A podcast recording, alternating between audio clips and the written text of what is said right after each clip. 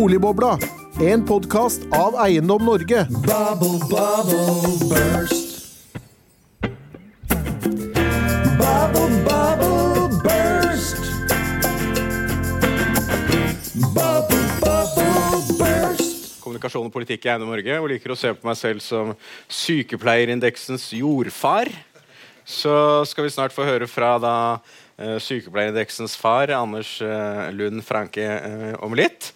Eh, dette er jo en eh, årlig fortellelse, eller en halvårlig fortellelse, for vi har også en lansering på Arendalsuka. Og så har vi den årlige fortellelsen nå i, januar på utviklingen i sykepleierindeksen, som da har blitt et household name.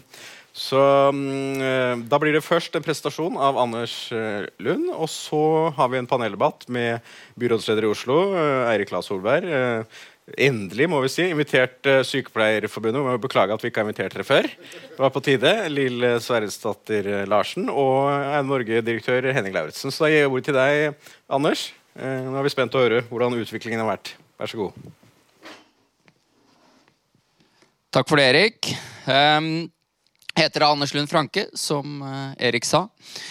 Er den stolte far av sykepleierindeksen. Får en del spørsmål hvorfor akkurat sykepleier, selvfølgelig. Det kan jeg bare avsløre med en gang at det er veldig tilfeldig. Ikke helt tilfeldig, kanskje, men min kone er sykepleier. Derfor er det yrket valgt, og ikke, ikke annet. Um, jeg tenkte først å si hva sykepleierindeksen er for noe. Uh, why do we care? Hva er nytt? Da skal jeg komme med oppdaterte tall. Levekostnadene har jo gått opp. Um, rentekostnadene har gått opp. Lønnen har også gått opp. Uh, boligprisene har ligget flatt. Så får vi se hva som er konsekvensen for uh, sykepleierindeksen på det. Og så er det en annen ting som har endret seg betydelig siden sist vi landet fram, og det er forholdet mellom det å eie og leie. Kosten på det har endret seg betydelig. Jeg skal ta noen eksempler på det. Og så skal jeg vise dere hvordan vi vet det vi vet. Så jeg skal vise faktisk hvordan vi har regnet på ting. Sykepleierindeksen er veldig enkelt. Det er at vi måler hvor stor andel av norske boligomsetninger som en singel sykepleier får finansiering til å kjøpe. Og så er påstanden hvis sykepleieren kan kjøpe en stor andel av boligene, så er boligprisene lave, gitt inntekt og rente. Motsatt, er den veldig lav, så er boligprisene høye. Hvorfor bryr vi oss om det? Og hvorfor sykepleier? Sykepleier er et valg på et representativ, normal, god inntekt. Så det representerer ikke bare sykepleieren, men det representerer også politi, brannvesen osv. Så, videre. så da er hypotesen at hvis boligprisene er såpass høye at det er vanskelig for sykepleieren og andre tilsvarende yrkesgrupper å etablere seg i et område, så har det området et problem.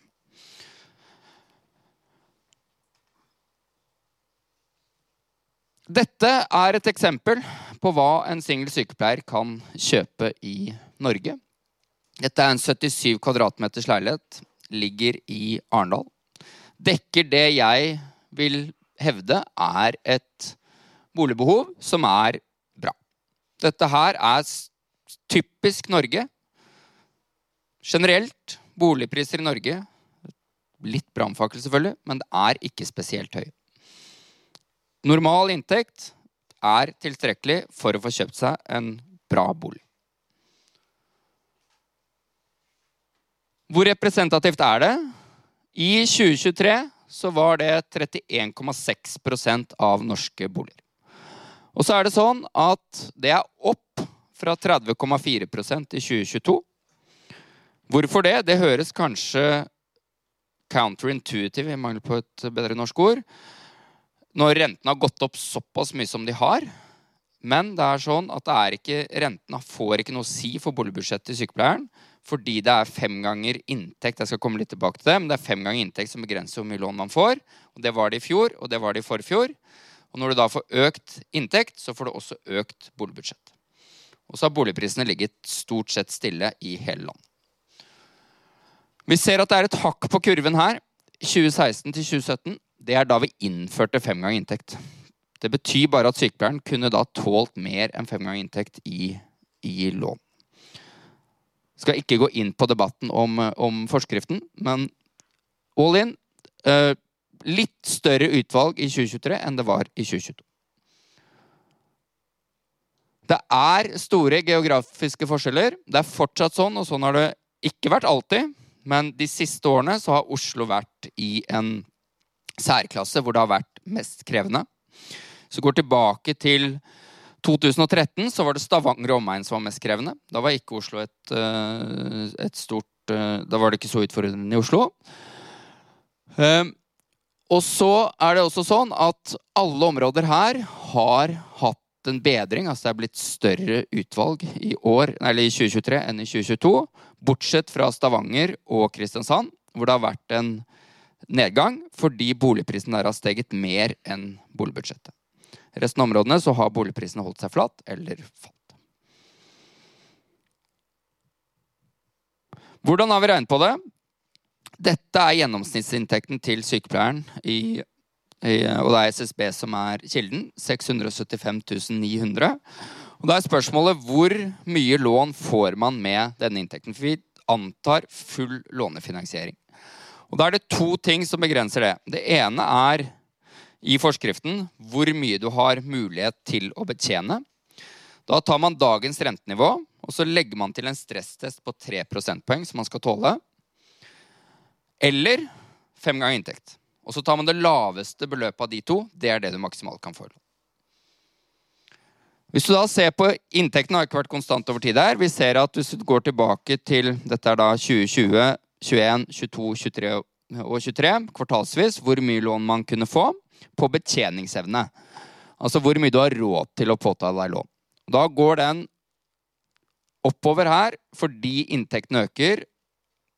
Så ser dere at det faller ganske kraftig fra 2022 til 2022 fjerde kvartal. Det er fordi rentene gikk opp. Da, ha, da har du råd til mindre lån, for lånet blir dyrere. Og så kom det en spike opp fra 2022 til 2023. Hvorfor det? Da du fikk plutselig råd til mer lån. Det er ikke fordi at rentene gikk ned, men det er fordi vi endret forskriften. Da var det sånn i 2022 så måtte du tåle en stresstest på 5 prosentpoeng. Det reduserte vi til 3. Da fikk du råd til mer råd. Du fikk lov til å få mer lån. Så falt det igjen. Eh, men så kommer en inntektsøkning i andre halvår, og så er det nå på 3,530. Det er det du måtte ha råd til å betjene. Men det får man ikke i lån fordi man er begrenset av gjeldsgrad. Så maks fem ganger inntekt. Du ser at Den blå søylen her har da betjeningsevne, og den grønne er eh, inkludert da 5X inntekt. Noen andre eksempler. Skien. Du får 94 kvadratmeter med parkering midt i sentrum. Igjen en by hvor boligbehovet dekkes eh, bra. Tilbake til eh, byen vi er i nå. Da er vi i Oslo. Da ser vi på en leilighet som er 19 kvadratmeter. Eh, jeg syns det er fascinerende at megler valgte å ta med et bilde av den grande foajeen her. Eh, for så vidt ganske bra standard. Eh, andre etasje eh, er også sentralt beliggent. Men altså, det er i mitt hode ikke en leilighet du blir boende i veldig lenge. Det er noe man ønsker å komme seg videre fra. Det som jeg synes, og det som er et poeng, dette er dette med eie versus leie. For det som har forandret seg mye, selv om du da ja, det har bedret seg på, på, at du får velge flere boliger. Men det å kjøpe denne boligen har blitt vesentlig dyrere når rentene nå er på 5,5 i forhold til hva det var når rentene var på 1,7, som de var på det aller, aller laveste. Så la oss bare, for Det jeg tenkte nå å illustrere, er bare at nå skal vi regne på et eksempel hva det koster å Og når jeg tenker kostnader av en bolig Det, kost, det er ikke en kostnad, det å kjøpe en bolig. Da da får du, altså Det er investering. De pengene er ikke borte. Kostnaden er de månedlige, utgiv, altså månedlige kostnadene. Det er kostnaden ved boligen. Hvis du kjøper denne boligen, så kjøper du den for 3,2. Da har du en rentekostnad, og igjen så er det rentekostnaden jeg er ute etter. Avdrag er ikke kostnad, det er sparing. Det er en utgift som sykepleieren selvfølgelig må hensynta i budsjettet sitt. Det koster sykepleieren da 11 440 kroner i måneden. Så er det felleskostnader på 1250. Det er lavt fordi boligen er så liten. Vedlikehold på 2007 det kommer typisk ikke hver måned, men det kommer kanskje hvert år eller altså hvert femte år. eller whatever. Det koster da sykepleieren å eie den boligen her 15 390 i måneden. Hva, og da er spørsmålet hva får du for 15 390 kroner i måneden hvis du går i leiemarkedet? Da får du denne her. Den er 44 kvadrat. Samme standard. Du dobler størrelsen. Og så kan dere spørre ja, har du nå liksom tatt fra sentrum og så dratt ut på Søndre Nordstrand eller eh, dratt ut i Gardermoen? Dette her er juks og fanteri. Nei. Det er nærmeste nabo. Det er ett minutt å gå. Spørsmål nummer to. Hva hvis jeg skulle kjøpt den leiligheten på 44 kvadrat? Hva hadde det kostet meg per måned? Den kostet å kjøpe, eller ikke kostet, eh, prisen for den boligen var 4670. Eiekost på den per måned er 24 000. Det er nesten 10 000 kroner i diff i forhold til leie. Er dette relevant? Jeg mener det. Eh, og så er det også et spørsmål har det alltid vært sånn. Har det alltid vært sånn at det å leie er mye billigere enn å eie? Svaret på det er nei. Det er plottet det fra 2012 til i dag. Den blå linjen er eierkostnaden. Den grønne er hva tilsvarende objekter koster å leie. Og så er poenget mitt her at fram til og med at de linjene krysser, så har det vært en no-brainer. Kom deg inn i boligmarkedet. Får du kjøpt bolig, for all del, gjør det. Da sparer du penger hver måned bare på det, uansett hvor boligprisene skal. Ikke uansett, men altså, Du behøver ikke å hensynta det. Det som er viktig, er hva det koster deg hver måned. Hele veien her. Kom deg inn i boligmarkedet. Leiealternativet er dårligere. Nå er det ikke sånn. Leiealternativet er mer attraktivt. Og nå snakker jeg bare må fra måned til måned. Hvor boligprisen skal, tar jeg ikke stilling til. Det er masse andre hensyn. Dette er bare et rent økonomisk argument. Det er masse andre hensyn med at det er ønskelig kanskje å eie selv osv. Men fra et Tidligere var det bare alle linjer var 'kom deg inn'. Vi er ikke der nå. Og det er et viktig poeng. Det er også et viktig poeng at det er faktisk nå sånn at utleiere indirekte sponser leietagere, altså.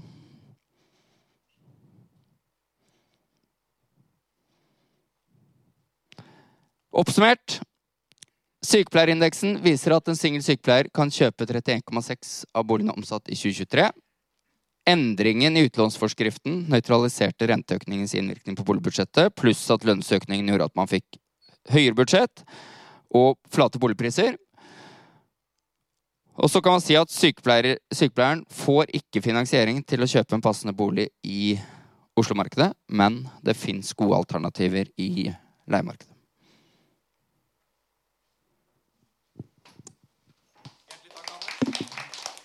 Alltid spennende å høre oppdatering. Da skal vi få det annonsert panelet. Hjertelig velkommen til byrådsleder i Oslo, Eirik Klas Solberg. Du kan jo stå ytterst siden du er så høy. Eh, så er det Sykepleierforbundets leder eh, Lill Sverresdatter Larsen. Hjertelig velkommen til deg. Og så Eiendom Norge-direktør, sjef for boligprisene, Heine Glerudsen. Si, da kan kanskje du stå i midten, Henning, siden du er nest høyest.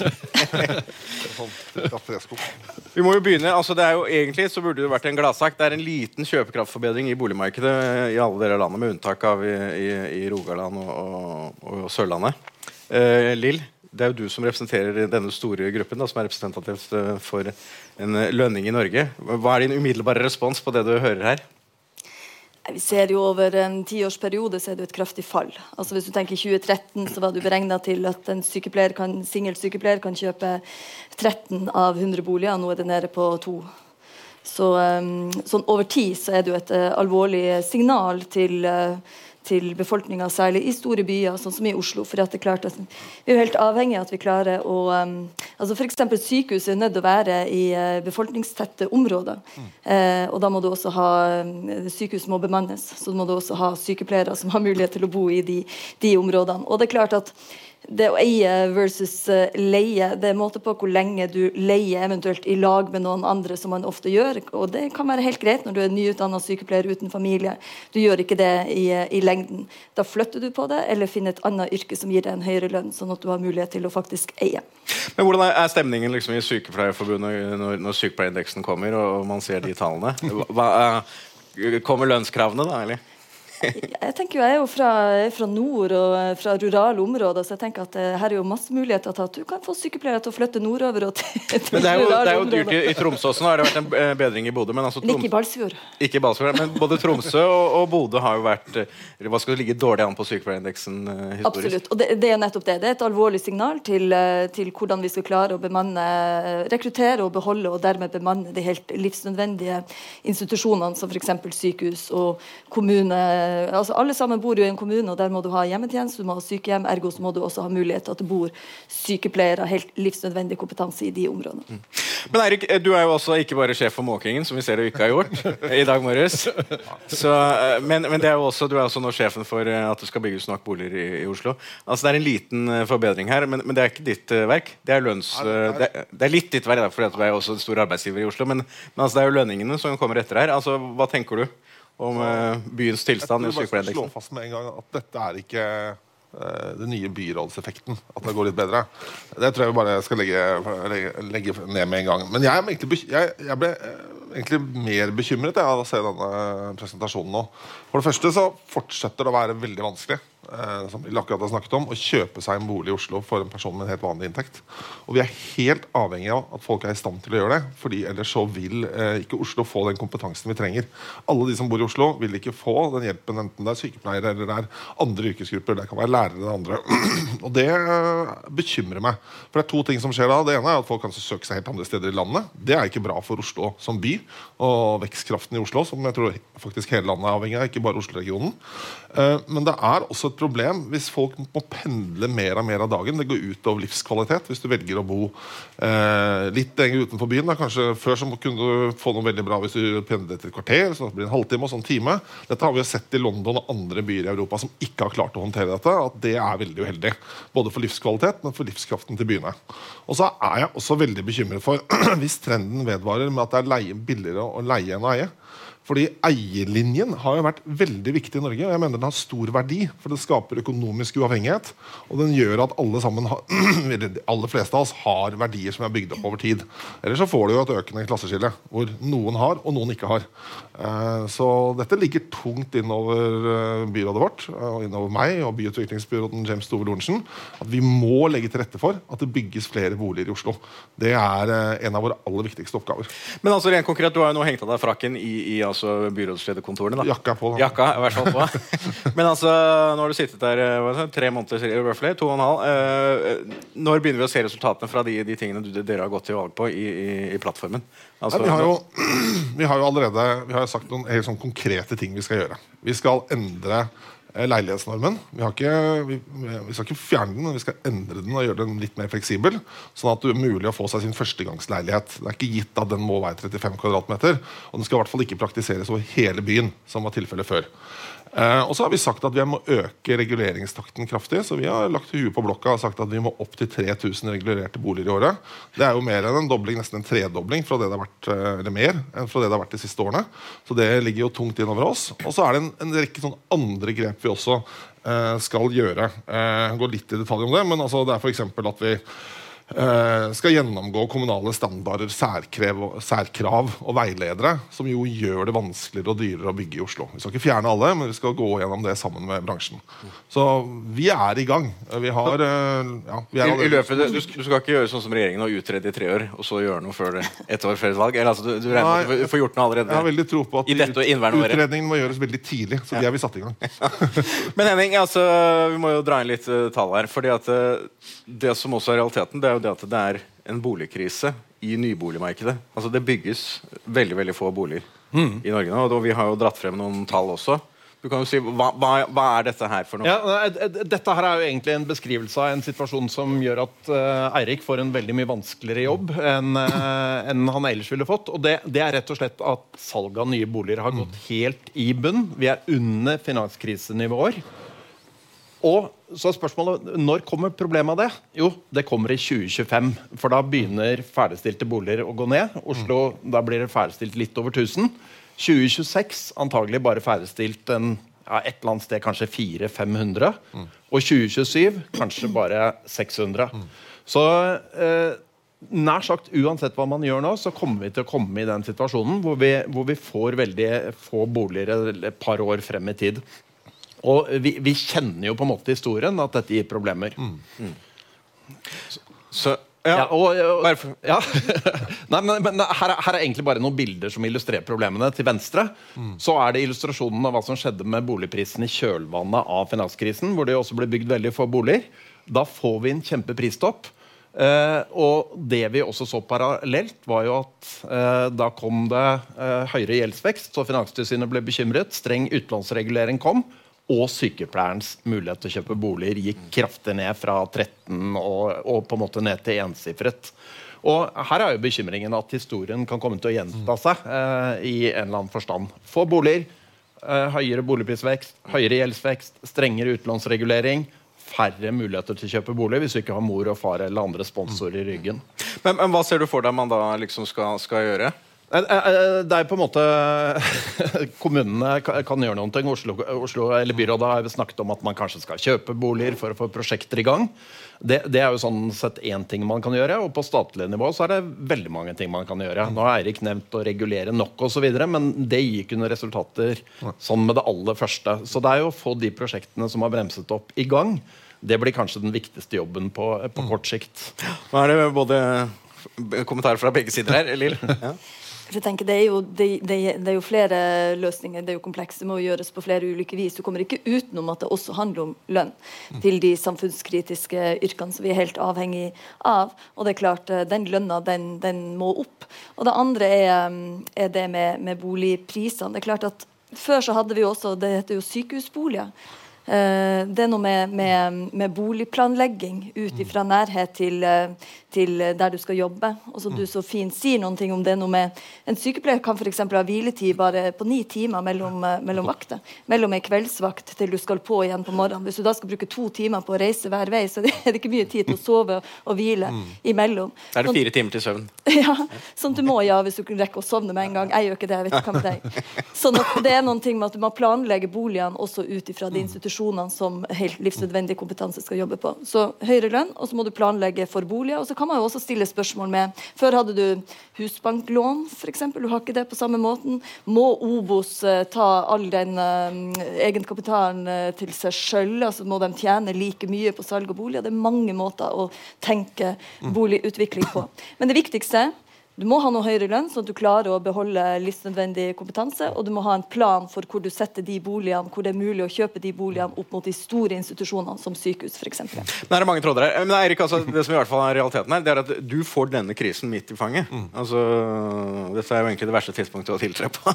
Eller, altså, det, det er en betydelig Ja. utfordring innenfor den perioden du Det, nå skal det kan du kanskje si, men det gir jo også noen muligheter. da Um, Jeg er egentlig to refleksjoner. Det ene er jo eh, hvis det går, eh, og det gjør det dessverre kanskje, eh, som Henning sier, så er det klart at da er det jo desto viktigere at når det løsner i boligmarkedet, for det gjør det, etterspørselen er der, og et annet tidspunkt så går økonomien i riktig retning, så må det være mange regulerte byggeklare tomter. Vi kan ikke da begynne å se å ja, ja, det hadde vært en god idé å sette i gang med en reguleringsprosess. Altså, da, må vi, da, må vi, da må de ligge klare, og vi må liksom, sånn at du kan gå i gang raskt. Altså, I Oslo kommune så tar det nå fem og et halvt år å få gjennom, en helt gjennomsnittlig reguleringsplan. Dette er en av de største utfordringene våre, å få ned den saksbehandlingstiden. For det er klart, eh, Hvis det da lysner i boligmarkedet om to-tre år, eh, eller kanskje før òg, jeg håper det, eh, så kan vi ikke da liksom begynne på lange prosesser. Så vi må få ned reguleringstiden. Men det viktigste er at vi da har en stor reserve av regulerte boliger som utbyggerne er interessert i og har mulighet til å gå i gang med. Så det er liksom det ene. Så Vi kan ikke nå si å nei, det blir ikke bygd så mye boliger, så da kan vi roe det litt med den reguleringen. Tvert imot. Nå må vi virkelig steppe opp. Uh, og Byråden min leder, leter med lys og lykte i både plan- og bygningsetaten og i saker som har blitt liggende i byrådet, for saker vi ikke kan få raskt ut. I tillegg til å få ned saksbehandlingstiden. Og så er det det som ble nevnt. fordi i Oslo så har vi behov Og det tror jeg er tverrpolitisk enighet om. Vi har behov for å kjøpe flere sosiale boliger i Oslo. Det er ikke alle som klarer å skaffe seg en bolig på egen hånd. så det er vi nødt til å gjøre. Og vi ønsker også at flere skal kunne komme seg inn på boligmarkedet. Ramfjord, det vi akkurat så. Og at kommunen bør ta en rolle i leie-til-eie-prosjekter. Da, det kan vi gjøre, og i hvert fall vi vurderer om og hvordan vi kan gjøre det. At vi går inn og sier at kommunen i nye leieprosjekter ønsker å kjøpe en viss andel av boligene. Eh, for å på den måten løse et behov vi har, men samtidig redusere risikoen blant utbyggerne. Fordi de vet at de har en kunde som kjøper x antall prosent. Av, Men vi vet jo at Oslo kommune er, jo faktisk den største boligbesitteren i Oslo. Dere er jo rundt 12 000-13 000 boliger. Det er et par prosent av boligmassen. Altså Kunne du tenke deg på en måte å bruke dette som et instrument til å få boligbyggingen i gang? Ja, det er egentlig det jeg sier. da At Hvis vi går inn og sier at vi har, vi har behov for flere boliger i Oslo, kommunale, kommunalt eide boliger, så kan det også være med på å utløse at bidra til at prosjektene vil bli realisert og utløst raskere. Så det er det, det ser vi på. Men det er klart, også et problem med de kommunale boligene de du nevnte, i Oslo, er jo at mange av de er konsentrert på noen få områder. Og det er, kan være en oppskrift også på opphoping av levekårsutfordringer og sosiale problemer. Så vi ønsker å spre de kommunale boligene. Og dette kan også være en måte å gjøre det på. for Kommunen kan selge noen kommunale boliger, og så kan vi kjøpe andre i nye prosjekter. Henning? Nei, det, det Eirik sa her innledningsvis om at man må regulere mye, det blir egentlig syretesten på om byrådet kommer til å lykkes. Fordi nå, nå bygges det uansett veldig lite. Men det er klart hvis vi ser for oss at det det ferdigstilles 500 boliger da i 2026 så, så er det sånn, Bortsett fra pandemien så får Oslo normalt eh, oppunder 10 000 innbyggere i året. Og da sier det seg at 10 000 mennesker skal konkurrere om 500 boliger. Vel, det går ikke veldig bra. Vi får det samme situasjonen året etter. Da, da bygger det seg jo opp en situasjon hvor det, hvor det nær sagt uansett hva som skjer om markedet, så kommer boligetterspørselen etter nye boliger til å komme tilbake. Og hvis det da er flaskehalser da har dere mislykkes. Så det er, det er, dette blir på mange måter den store testen i Oslo. Men Lill, altså, nå er det jo da et hovedoppgjør i, lø i lønnsoppgjøret. Det starter vel kanskje snart. Det har kanskje startet alt, for hva, hva jeg vet. Men altså, eh, det som er blitt sagt det, det siste halve året, det er jo det at eh, frontfagsmodellen nå, som da er jo modellen vi forhandler lønn etter, den er jo veldig god nå, fordi eksportnæringen har gått veldig bra. Altså, Kommer vi til å få et veldig sterkt lønnsoppgjør i år? Eller dere kommer kanskje til å kreve det òg? Vi begynte med planlegginga, men vi har ikke satt noe krav. Eh, men igjen, det, det handler jo om akkurat det samme. at Skal du klare å beholde og rekruttere den kompetansen som byene trenger, som folk trenger Byer består, ikke sant? kommuner består av folk, så vi trenger sykepleiere over hele landet. Vi trenger dem i Oslo, som er et befolkningstett uh, område. Så er du nødt til å ha en lønn som er tilpassa til at folk har lyst til å bli værende i yrket, og at de har mulighet til å kunne kjøpe seg en bolig. Det å eie en bolig, det å kunne skape en familie og på en måte ha en kontinuitet i en bolig, handler det jo òg om i motsatt fall det å leie. Sånn at uh, Lønna må være tilsvarende sted, og det er den jo ikke i dag. Og Det ser vi jo både på tallene på at én av fem sykepleiere slutter i løpet av de første eh, ti årene av sin karriere. Vi har en nylig medlemsundersøkelse som viser at 17% av dem som er utdanna sykepleiere, de lukter på andre yrker. Sant? Og Hovedgrunnen til det er det er for lav lønn og det er for høy belastning. i forhold til det. Belastning handler jo også om den tida det tar å komme deg til jobb, det å hente unger i barnehagen, sant? den hviletida du har. Så Derfor er byplanlegging og boligplanlegging er innmari viktig også for å redusere en belastning. Og så er selvfølgelig lønna. Den, den må til. Men, men altså, i fjor så var det vel også helsepersonellutredningen som kom. Og, og altså, er det én ting som er sikkert, så er det at den bransjen du representerer, det er jo altså en vekstnæring. Altså, Jeg vet ikke hvor mange det er, 120 000 eller sånn nå. Men altså, 130. 130, altså Helsepersonellutvalget sa vel noe sånn at uh, frem mot 2050 så skal det komme 190 000, eller er det behov for 190 000 nye ansatte i helsesektoren. Altså, Dette kommer jo til å bli et uh, hva skal jeg si, tiltagende problem hvis man ikke fikser dette. Ja, for å si det sånn, eh, Jeg er ikke så veldig bekymra for sykepleierne i seg sjøl. Det, er et- det er sykepleiers marked på alle mulige vis. Så Enten vil, vil kommunene ha dem eh, ansatt hos seg eh, i en sterk offentlig sektor, eller så vil det være en todelt helsetjeneste og et privat marked, som man ser i USA. En sykepleier i USA, en allmennsykepleier der, de tjener rundt 1,5 millioner. En anestesisykepleier der tjener, tjener 2 millioner. Det tallet som var her på 675 000 Nå må du si sånn at En lønn på 2,5 millioner i USA er tilsvarende 850 000 i Norge. Da. da? Nei. Sånn med, Nei, nei, to og en halv norske, halv norske kroner. Ja. To millioner Men altså med velferdsordninger og alt på toppen. Ja. Jo, men likevel. Altså, de tjener innmari mye bedre nettopp fordi at det er et uh, todelt helsetjeneste. Men det koster jo veldig mye mer for oss som, uh, som samfunn. Vi ønsker jo en sterk offentlig sektor. Vi ønsker kommuner som eh, ivaretar uh, oss som befolkning. Men ergo så må du også ha kommuner som da ivaretar sykepleiere og annen livsnødvendig kompetanse, sånn at vi faktisk har mulighet til å bo og leve og leve gode liv, men ikke minst også eie bolig. Men Erik, altså, Arbeidsmarkedet er det viktigste. Boligmarkedet er det nest viktigste markedet. Altså, disse tingene må jo henge sammen. Altså, du, du skal jo rekruttere folk. Du er jo, Oslo kommune er jo den største arbeidsgiveren i landet. Altså, Forrige gang jeg var og snakket om eh, sykepleierindeksen, var på Arendalsuka i fjor. Eh, Da hadde jeg ganske mange debatter. men Jeg tror nesten alle av dem kanskje med ett unntak, handlet enten om boligkrisa eller rekrutteringskrisen innenfor helse, eh, helseområdet. Og det henger jo sammen. Det, liksom, det, var jo, det, det slo meg allerede da at dette er jo måte, Løser vi det ene, så har vi ikke løst det andre, men det henger veldig tett sammen. Så det er klart at skal vi klare å rekruttere sykepleiere, helsefagarbeidere eh, og andre eh, omsorgsyrker og helseyrker i framtiden, så er vi helt avhengig av at, de, at det er mulig for dem å bo i Oslo eller i nærheten. Vi har store utfordringer når det gjelder kvaliteten i eldreomsorgen i Oslo. Det har vi påpekt eh, i lang tid. Eh, der er, det jobber vi med, men vi får jo ikke, klarer jo ikke å løse det i et langsiktig perspektiv hvis eh, det blir for dyrt fordi, fordi det kompetansen vi trenger å bo i Oslo. Så, så vi er nødt til å legge til rette for at det bygges mer, og at det er mulig å eie en bolig i Oslo for en sykepleier. Eh, så du, du løser hva skal si, personellmangel med å bygge tilstrekkelig? Eller? ja, Det er i hvert fall et, et viktig virkemiddel. Eh, og, og som Lill sa, altså vi, vi ønsker jo ikke et samfunn hvor noen sitter og bruker fire til fem timer hver dag på reisevei, for det, det ser vi i andre land. Det er samfunnsøkonomisk tap. Sånn, Og det er et enormt si. Ja. samfunnsøkonomisk, men også velferdsøkonomisk og velferdstap for dem det, som da må reise langt. Og til slutt så gidder ikke det lenger, og da sitter vi der i byene uten å ha den kompetansen vi trenger. Men, men en annen ting som jeg må spørre deg om, Erik. Altså, øh, det som ligger til grunn for sykepleierindeksen, er jo SIFOs budsjett. Altså, Dyrtiden det er jo da, må jo være 2023s store ord.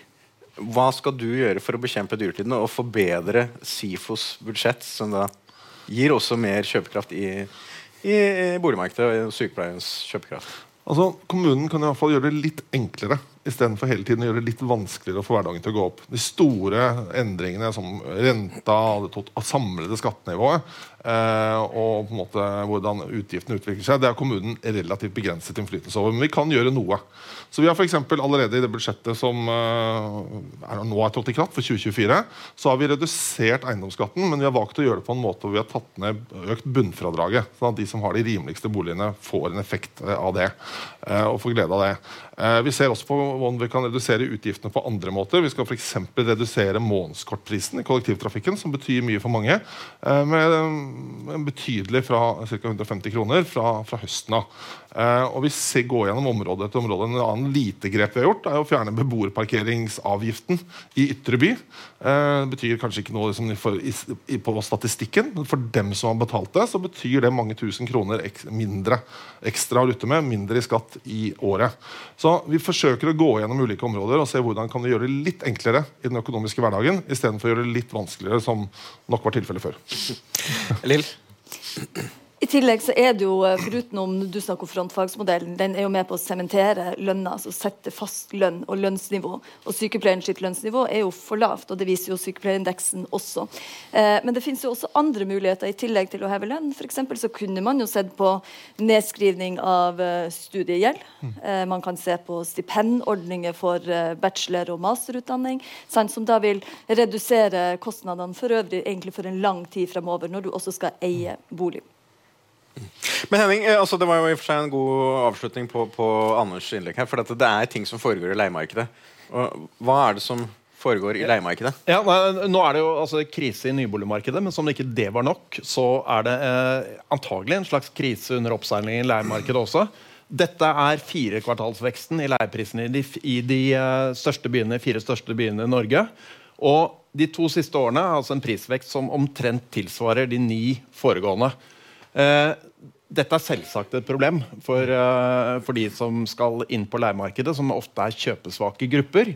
Og så hørte vi jo Anders fortelle her i sted at ja, vel, til tross for dette så lønner det seg ikke å kjøpe for utleie i Oslo f.eks.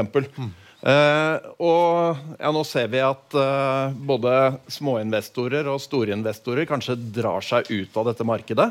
Og Samtidig så har vi jo flyktningsituasjonen med veldig mange flyktninger som kommer fra Ukraina, som skal inn på leiemarkedet. Så her kan vi på mange måter få det litt dobbelt. Boligbyggingen bremser, det kommer ikke nye boliger. Leiemarkedet skrumper, samtidig som mange skal leie. Uten at det er lønnsomt for utleierne. Så, så dette er et sånt tilleggsutfordring som kommer inn her. Og i likhet med de andre tingene, det kan egentlig bare løses ved at det bygges mer. Og så må jeg på en måte si, Nå har vi ikke noen regjeringsrepresentanter her. Men, men både Solberg-regjeringen og Støre-regjeringen har litt skyld her.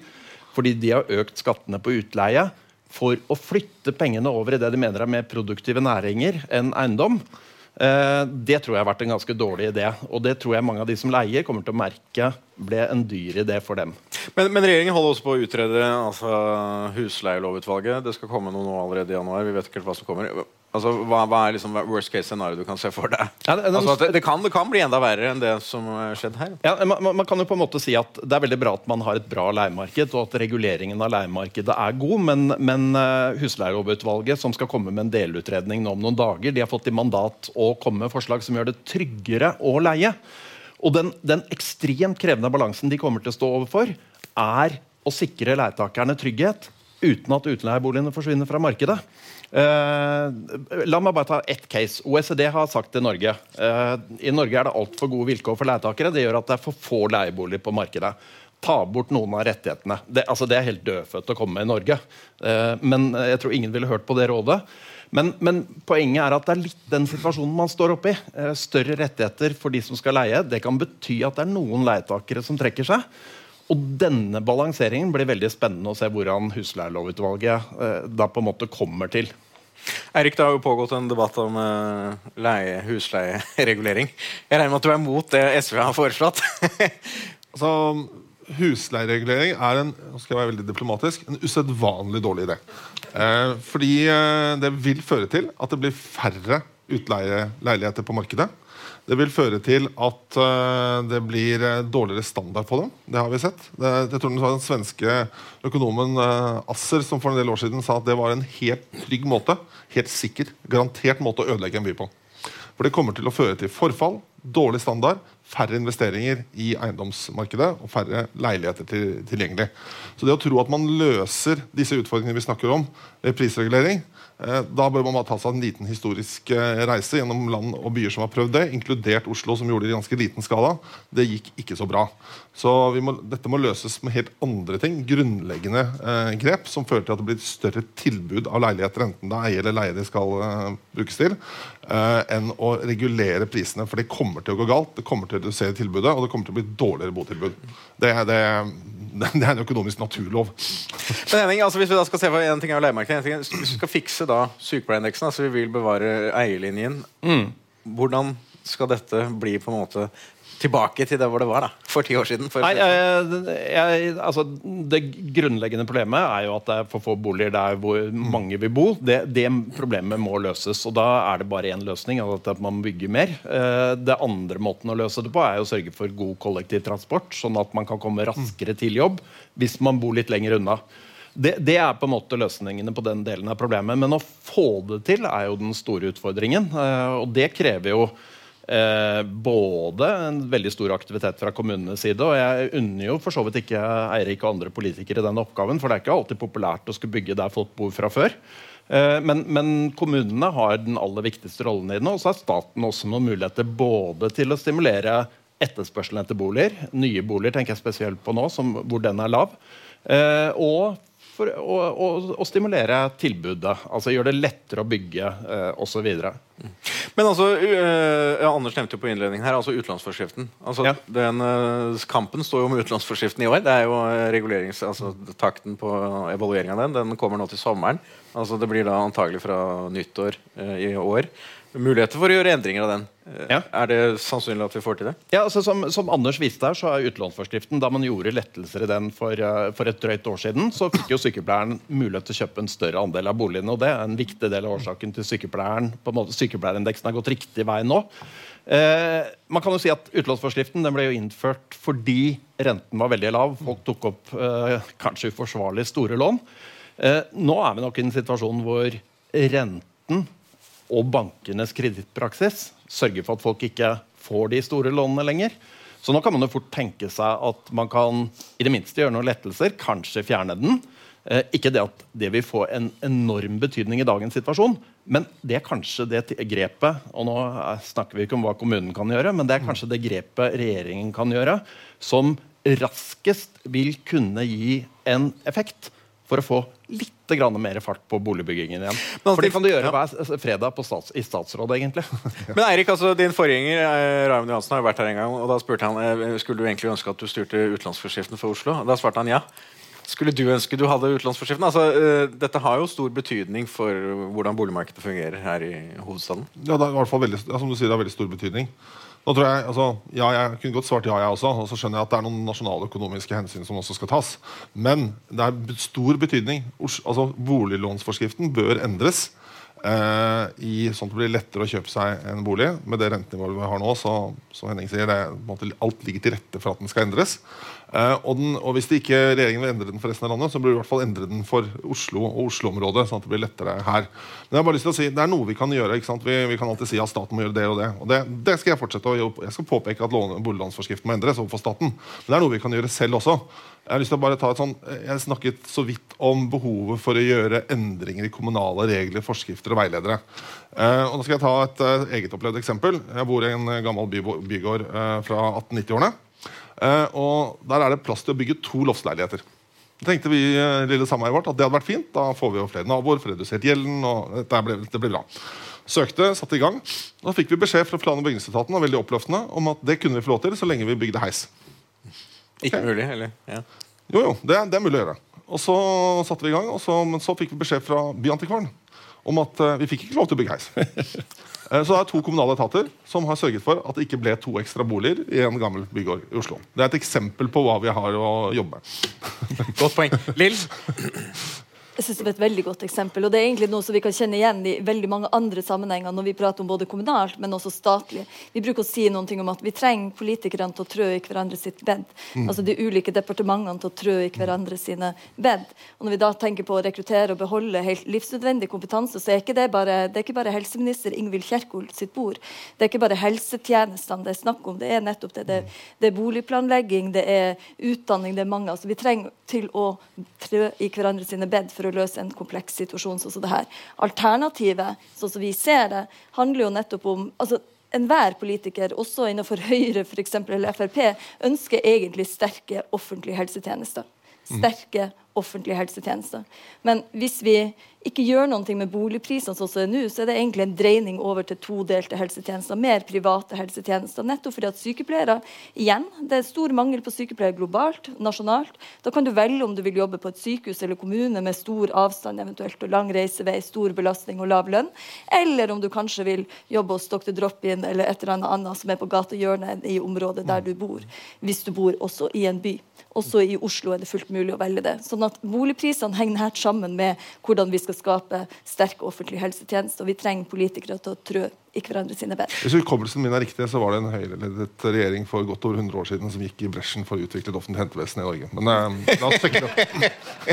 Det får være en kamp for sulkeren. Men Lill, altså, utlånsforskriften var jeg innom her. Altså, vi fikk jo illustrert at hvis egentlig kan sykepleieren låne noe mer hvis det ikke hadde vært for utlånsforskriften. Altså, kommer dere til å engasjere dere i utlånsforskriften i inneværende år, da?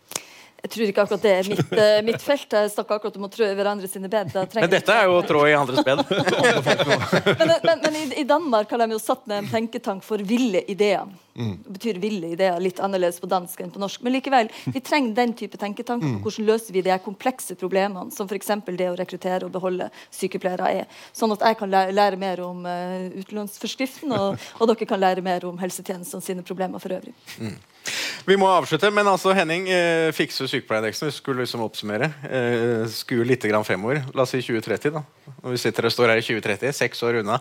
Ja. Eller 2050, som var helsepersonellutvalget. Ja, altså, jeg, jeg, jeg er jo helt sikker på at man er nødt til å fikse Oslos problem. For ellers så tror jeg det blir en dårligere og dårligere by over mm. i, i de årene vi går inn i. Og jeg, jeg, jeg synes jo den utgangspunktet og situasjonen vi er, er veldig uheldig, med at 2 av, av boligene er tilgjengelig for, for en gruppe som tross alt, altså i den store sammenhengen, ikke er lavtlønnsyrke. Det betyr at det er veldig mange som har store problemer eh, å komme inn på markedet, spesielt single, og det må vi fikse. Og jeg tror det kommer til å bli en bedring. Men eh, jeg tror det blir hardt for dere politikere. Hjertelig takk. Tiden er ute. Eh, takk til panelet. Lill Sverre Statte Larsen, Henning Lauritzen og Eirik Lass Solberg. Vi er tilbake på Arendalsuka med en nytt eh, oppdatering av sykepleierindeksen. Hjertelig takk. Boligbobla, en podkast av Eiendom Norge. Bubble, bubble, burst. Bubble, bubble, burst. Bubble.